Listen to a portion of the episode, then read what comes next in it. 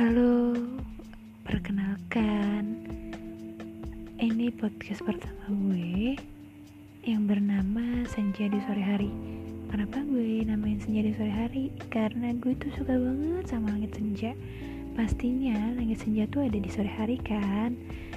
Terus gue bermaksud buat podcast ini tuh Biar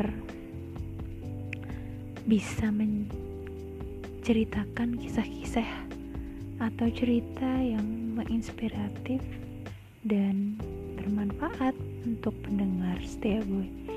Semoga kalian suka dan pendengar gue semakin banyak mengambil hikmah dari podcast gue ini.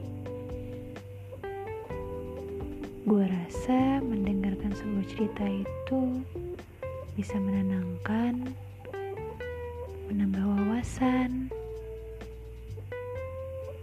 dan membuka pikiran kita. Itu menurut gue sih. Ya udah, selamat menikmati senja di sore hari.